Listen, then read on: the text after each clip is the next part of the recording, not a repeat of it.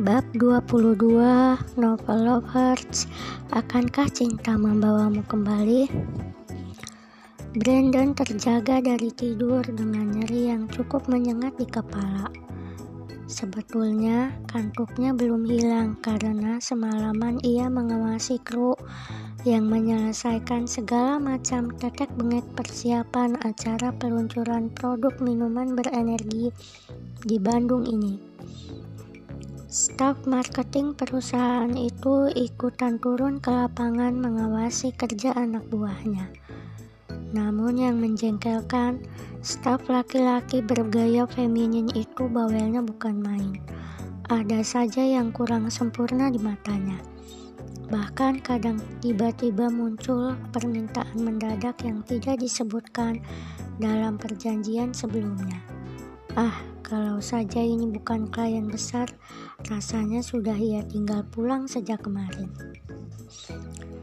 Brandon bangkit dari posisi berbaring dan duduk di atas tempat tidur sembari memegang kedua pelipisnya yang berdenyut sakit. Padahal sudah lama kepalanya tidak lagi didera rasa sakit. Sebulan yang lalu ketika ia melakukan kontrol rutin ke dokter Handoyo, Dokter itu memperlihatkan hasil pindaian kepala terakhir dan mengatakan trauma di kepalanya sudah sembuh, sehingga tidak ada yang perlu dikhawatirkan lagi. Obat-obatan pun sudah dihentikan sejak dua bulan yang lalu. Jadi, apakah ini sakit kepala biasa karena kurang tidur? Brandon membuang napas keras sambil menguap. Diliriknya jam di atas meja kecil di samping tempat tidur. Baru pukul 6 pagi. Event akan dimulai pukul 7 nanti malam. Kemarin malam semuanya sudah ia tinjau sekali lagi. Peralatan panggung, sistem tata suara, juga susunan acara. MC dan penyanyi yang khusus didatangkan dari Jakarta juga sudah di briefing oleh anak buahnya. Jadi rasanya ia tidak perlu bangun pagi-pagi. Kalaupun ia akan melakukan sesuatu, rasanya yang perlu ia lakukan di pagi-pagi seperti ini adalah lari di treadmill, membakar kalori dan mengeluarkan sedikit keringat. Tapi dengan kondisi kepala yang sakit seperti ini, rasanya lebih baik ia meneruskan tidurnya. Namun baru saja matanya terpejam, ia mendesah tertahan. Ia membolak-balik tubuhnya dengan gusar. Pikirannya tidak tenang. Ia membuka matanya, mengerjap berkali-kali lalu memejamkannya lagi. Tiba-tiba bayangan demi bayangan berkelebat dalam pikirannya. Silih berganti. Gambaran demi gambaran itu muncul dalam benaknya seperti sebuah tayangan film. Ia pulang dari acara di Jalan Juanda memacu kendaraannya di tol Cipularang di atas kecepatan 140 km per jam 3 dini hari. Ya, jam 3 dini hari. Ia yakin sekali karena saat itu ia sempat melirik jam di dashboard mobil. Bukan itu saja, ia juga ingat awal pertemuannya dengan Yuri saat acara Des Natalis kampus. Peluh dingin tiba-tiba mengucur dari kedua pelipisnya. Padahal pendingin di kamar hotel ini masih menyala. Kaget dengan potongan kejadian demi kejadian yang berseliweran dalam kepalanya, Brandon tersentak bangun. Mendadak ia bisa mengingat semuanya. Begitu jelas, begitu terang, jernih. Seperti menonton sebuah pertunjukan. Seluruh peristiwa sebelum kecelakaan yang menyimpannya berkelebat dalam pikirannya tanpa dapat ia kendalikan.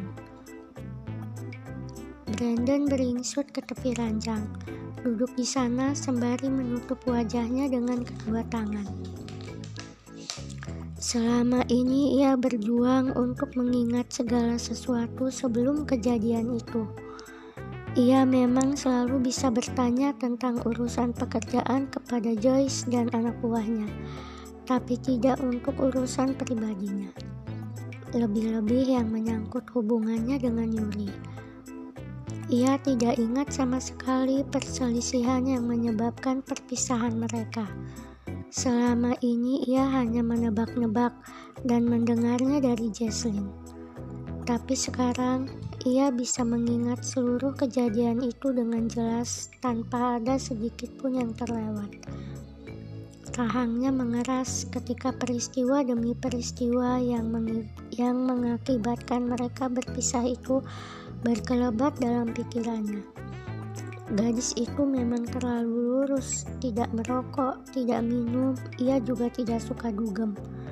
Ia pun semakin gusar karena Yuri ngotot untuk mempertahankan kesuciannya. Ia tidak habis pikir, masih ada perempuan seperti Yuri di zaman serba bebas dan modern seperti sekarang. Hah. Brandon mengerjap-ngerjapkan mata. Semuanya jelas sekarang. Hubungan mereka menjadi renggang karena perbeda perbedaan itu. Lalu datang Jesslyn, gadis cantik serba menarik yang begitu bebas. Ia bisa memberikan apa yang tidak bisa diberikan Yuri. Meskipun Brandon belum pernah memintanya, Jesslyn tidak akan pura-pura alim seperti Yuri. Ia hanya cukup sedikit memancingnya Gadis itu sudah pasrah menyerahkan dirinya. Brandon bukan lelaki bodoh. Ia tahu bahasa tubuh seorang perempuan yang menginginkan lebih dari sekedar bermesraan. Dengar saja desahannya ketika mereka bercumbu. Napasnya pun sudah begitu menggebu-gebu. Tidak ada lagi tantangan baginya. Tidak ada lagi yang istimewa. Ketika akhirnya mereka melakukannya di Hokkaido, Brandon tahu Jesslyn sudah pernah melakukannya dengan lelaki lain. Ia jadi tahu seperti apa kualitas gadis itu. Jesslyn bukan gadis yang akan dilamarnya sebagai istri. Buat sih oke-oke saja, tapi tidak lebih dari itu. Ketika tanpa sengaja ia melihat Yuri di Hokkaido, Melihat bias kesedihan di raut wajah gadis itu, ada setitik rasa bersalah menjalari rongga dadanya. Bukan hanya perasaan bersalah, melainkan juga sepenggal rasa sesal merejam hatinya karena telah mengakhiri hubungan mereka. Brandon beranjak turun dari tempat tidur. Denyut di kepalanya sudah berangsur-angsur hilang. Dilangkahkannya kaki menuju ke kamar mandi. Ia memutar keran di wastafel, membungkukkan badan lalu membasuh wajahnya. Diraihnya sikat gigi dan odol. Sambil menyikat gigi, pikirannya melayang terus kepada Yuri.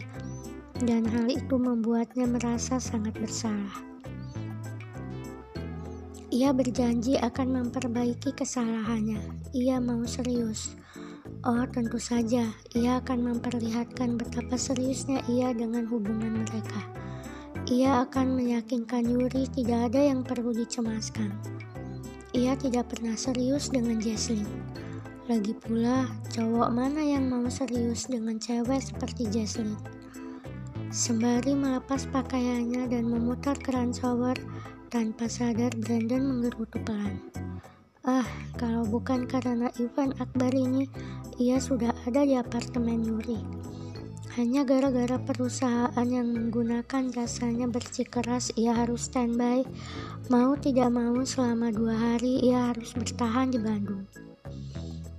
Meskipun ia sudah sering keluar kota dan tidak bertemu Yuri selama berhari-hari, tapi entah kenapa rasa rindu terhadap gadis itu begitu menyiksanya kali ini. Ingin sekali ia mendengar suaranya mencicipi masakannya, membawa tubuhnya yang mungil ke dalam pelukannya yang hangat, berbaring malas-malasan di sofa empuknya. Ah, ia akan menelpon Yuri. Mendengar suara gadis itu paling tidak bisa sedikit mengobati rasa rindunya. Buru-buru Brandon membasuh badan dan rambutnya. Rasanya ia sudah tidak sabar mendengar suara Yuri di telepon. Yuri menatap layar laptop di hadapannya dengan serius. Tinggal empat halaman lagi proposalnya selesai. Keningnya berkerut. Ia mengalihkan pandangan matanya dari laptop ke setumpuk kertas di sebelah kanan meja, lalu beralih kembali ke layar laptop. Beberapa stiker post-it terpasang di sana. Diulurkannya tangan, menandai sketsa analisis proses yang sudah dipindahkannya dari post-it ke dalam presentasi sembari menggumam tak jelas. Sore menjelang malam begini, suasana kantor sudah sepi Rekan-rekannya sudah pulang semua.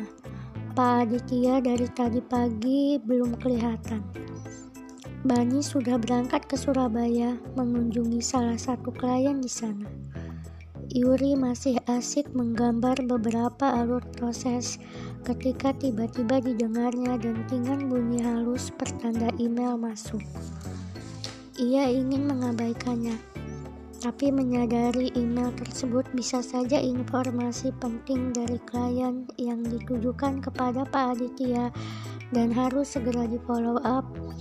Ia segera mengeklik icon untuk mengecilkan template PowerPoint yang sedang ia kerjakan dan beralih membaca email yang masuk.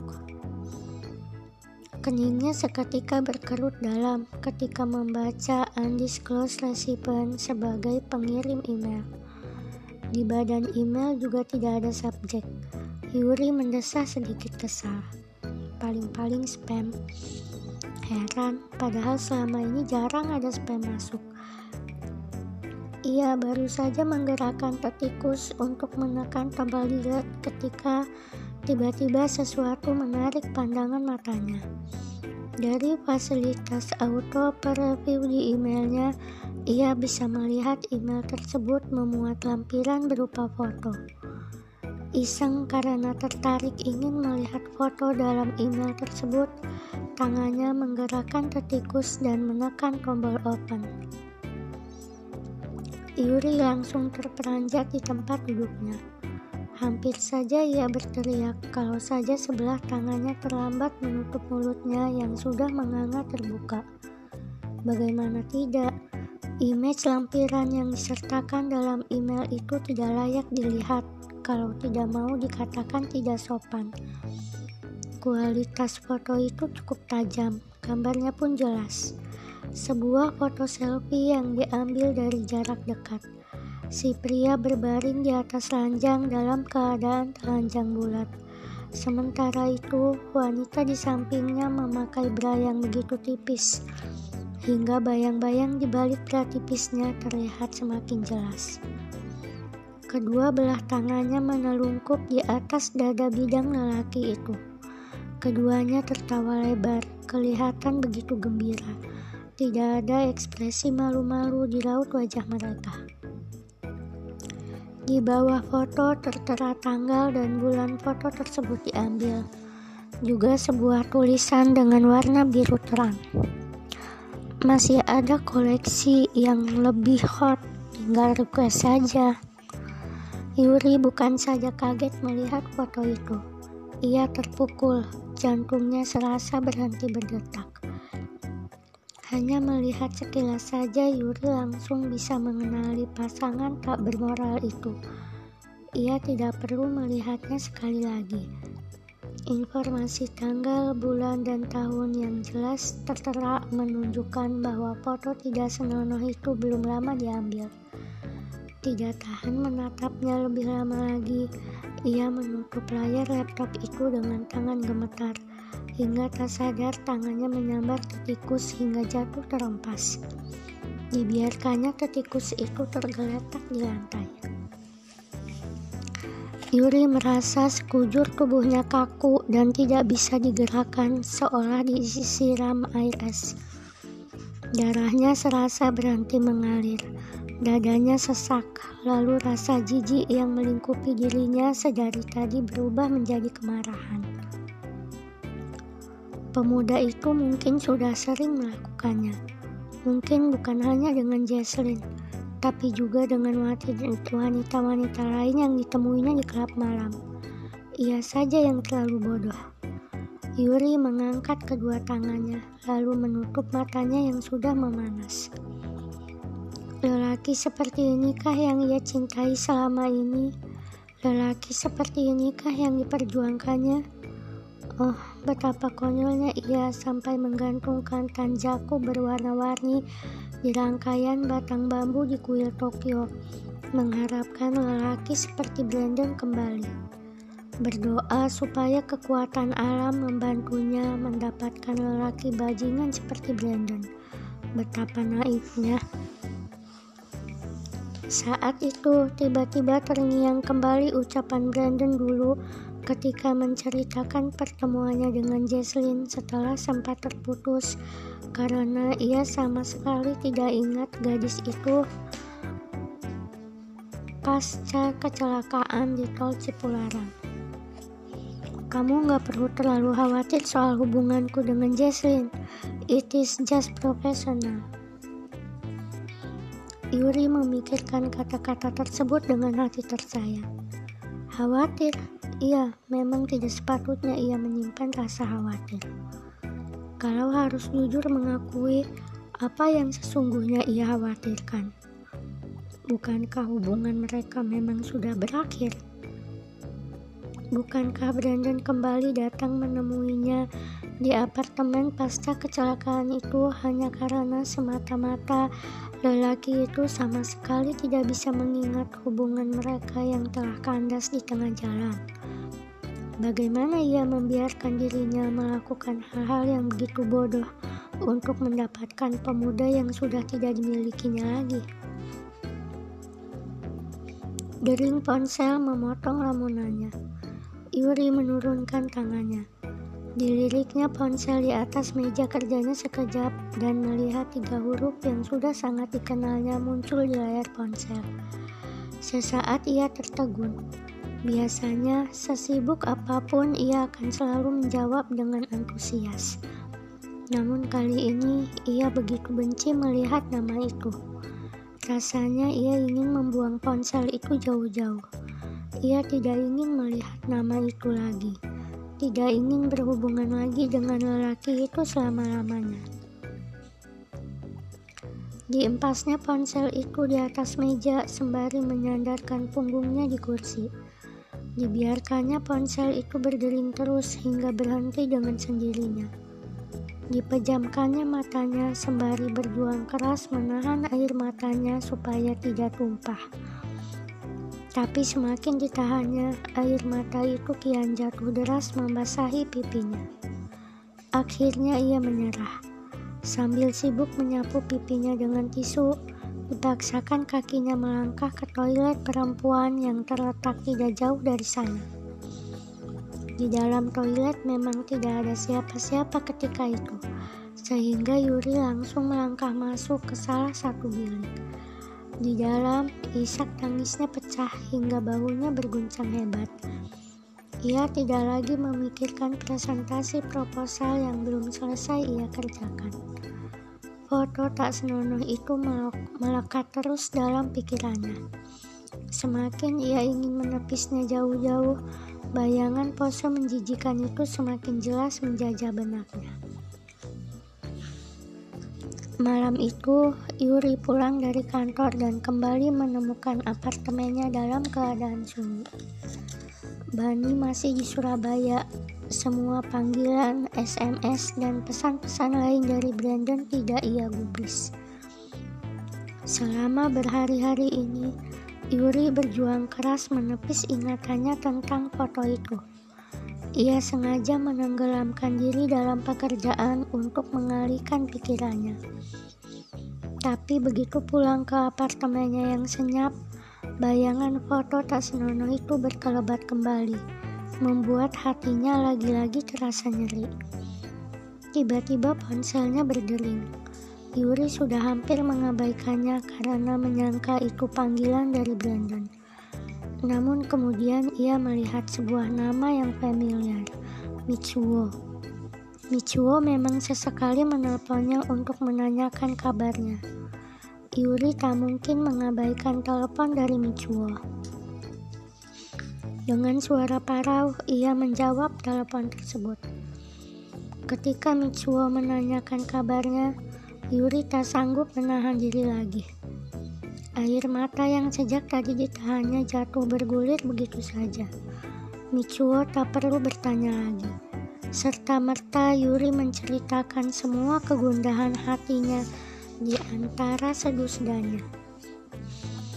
Ia curahkan semua kisah cinta dan harapannya yang karam. Kamu sudah berbicara dengannya? Tanya Michuo lirih setelah Yuri selesai bercerita. Hatinya terasa pilu mendengar isak tangis gadis itu. Tidak, Onisan. Rasanya aku tidak ingin menemuinya lagi. Desis Yuri Parau sambil sesekali sesenggukan. Kalau aku bertemu dan bicara dengannya, aku khawatir tidak bisa mengendalikan diri. Michuo menghela napas. Aku mengerti perasaanmu. Sekarang kamu pasti masih marah. Tapi saat kamu sudah lebih tenang, bicaralah baik-baik padanya. Mungkin ada kesalahpahaman. Tidak mungkin ada kesalahpahaman. Sebelah tangan Yuri menyeka air mata yang terus jatuh membasahi pipinya. Aku yang bodoh. Aku begitu naik mengharapkannya kembali seperti dulu. Saluran di telepon hening sejenak. Lalu terdengar suara lembut Mitsuo. Yuri-chan, kalau dia berselingkuh, mungkin kamu masih ingat. Aku pernah mengatakan kalau lelaki itu akan menyesal menyakiti gadis cantik dan baik sepertimu. Merasa tidak mendengar respon Yuri, lelaki itu melanjutkan dengan suara masih selembut tadi. Yuri-chan, jangan menangis lagi. Kau tahu, mendengarmu menangis membuatku ikut sedih. Kalau saja ada yang bisa kulakukan untuk membuatmu tidak bersedih lagi. Onisan, desis Suri terharu. Air mata kembali merembes lewat bulu-bulu matanya. Namun, kali ini adalah air mata haru karena perhatian tulus yang diberikan Mitsuo. Ia tahu pemuda itu sedang berusaha menghiburnya. Usahanya tidak sia-sia. Mendengar suara lembut Michuo membuat perasaan Yuri yang sedang kalut sedikit membaik. Terima kasih Onisan. Yuri menguatkan hatinya sambil menarik napas dalam-dalam. Ya, Michuo benar, ia harus tegar. Meskipun masih menyimpan cinta dalam hatinya, tapi ia harus belajar let go. Ia tidak perlu merasa kehilangan lelaki brengsek seperti Brandon. Lelaki itu hanyalah pecundang yang tak patut diperjuangkan, batin Yuri. Memantapkan hati untuk mengambil keputusan yang sudah berhari-hari melintas dalam benaknya, sembari mengusap sisa air mata yang masih membekas di pipi. Brandon tidak membantah ketika Yuri memperlihatkan foto selfie yang diterimanya via email dari seseorang yang tak dikenal. Namun, parasnya yang tampan terlihat pucat pasi seperti kertas putih tatkala melihat foto yang disodorkan Yuri. Bibirnya bergerak-gerak seolah hendak mengatakan sesuatu, tapi tidak ada suara yang keluar dari sana. Yuri berusaha terlihat tegar. Ia juga berusaha menahan emosinya supaya tidak meledak. Berkali-kali ia menarik napas, lalu mengembuskannya kembali. Ia sudah menyiapkan diri jauh-jauh hari sebelum Brandon datang ke apartemen. Ia juga sudah meyakinkan dan meneguhkan hatinya kalau lelaki itu isn't worth it, just isn't worth it at all untuk tetap dipertahankan. Meski masih ada denyut nyeri di sudut relung hatinya yang terdalam. Aku tidak mengingkari kalau aku melakukannya. Brandon memandang Yuri dengan tatapan penuh penyesalan. Tapi Yuri sengaja menundukkan kepalanya dalam-dalam menghindari tatapan lelaki itu. Sekali lagi ditariknya napas panjang. Tenang, ia harus tenang. Meskipun rasanya ia sudah ingin meledak, melampiaskan semua kejengkelan dan sakit hatinya kepada lelaki yang sedang duduk di hadapannya itu. Namun, kalaupun ia melontarkan kemarahannya, tidak ada gunanya lagi, bukan? tak akan pernah mengubah apa-apa lagi. I'm sorry, tapi dengarkan dulu penjelasanku. Semuanya sudah begitu jelas, ada yang perlu dijelaskan lagi. Desis Yuri dengan tubuh gemetar. Dihelanya napas berkali-kali untuk menenangkan dirinya. Tapi rasa sakit di dadanya begitu nyeri dan perih. Ia mengatupkan rahangnya rapat-rapat sembari berjuang supaya air mata yang telah menggenang di kedua sudut matanya tidak jatuh. Tidak, ia tidak ingin menangis di depan lelaki itu. Brandon terlihat seperti ingin menjelaskan sesuatu, tapi melihat para suri yang begitu muram, ia tahu bukan waktu yang tepat untuk berbicara dan membela diri. Akhirnya ia memilih diam. Semuanya sudah begitu jelas, kata gadis itu. Apalagi yang perlu dijelaskan lagi? Vonis bersalah sudah dijatuhkan. Ia adalah terdakwa yang sudah tidak bisa mengelak lagi. Pulanglah, Yuri menggeleng pedih bersamaan dengan embusan napasnya. Suaranya sedingin ekspresi wajahnya. Sudah malam, aku mau istirahat. Kamu benar-benar tidak mau mendengar penjelasanku? Ulang Brandon putus asa. Wajahnya sudah sekelam langit di luar sana. Yuri mendengus. Aku sudah ngantuk, besok aku harus bangun pagi. Ri, suara Brandon bergetar. Yuri menoleh dengan enggan. Pemuda itu sedang memandang ke arahnya dengan mengiba. Raut wajahnya begitu memelas. Please, beri waktu aku sebentar saja. Aku mau tidur. Tanpa menghiraukan tatapan Brandon, Yuri bangkit dari duduknya lalu melangkah ke arah pintu. Dibukanya pintu lebar-lebar. Brandon mengembuskan napas, putus asa melihat sikap Yuri. Gadis itu pasti marah dan benci sekali kepadanya gara-gara foto itu. Selama bertahun-tahun mereka berhubungan, Yuri belum pernah begitu gusar sampai tidak mau menatapnya sama sekali. Mungkin lebih baik aku pulang sekarang, pikirnya putus asa. Kalau keadaan sudah jauh lebih tenang, aku akan datang kembali untuk menjelaskan. Baiklah, kalau kamu tidak mau mendengarnya sekarang. Brandon bangkit dari tempat duduknya. Parasnya kuyuk, tapi ia tidak akan mundur. Aku akan datang lagi, desisnya, lebih menyerupai gumaman. Ia memandang gadis itu lekat-lekat sebelum berlalu dari sana. Kamu tahu, aku bukan orang yang mudah menyerah. Alhamdulillah, pembacaan bab 22 selesai hari ini. Semoga berikutnya saya lebih semangat. Terima kasih yang sudah mendengarkan. Assalamualaikum.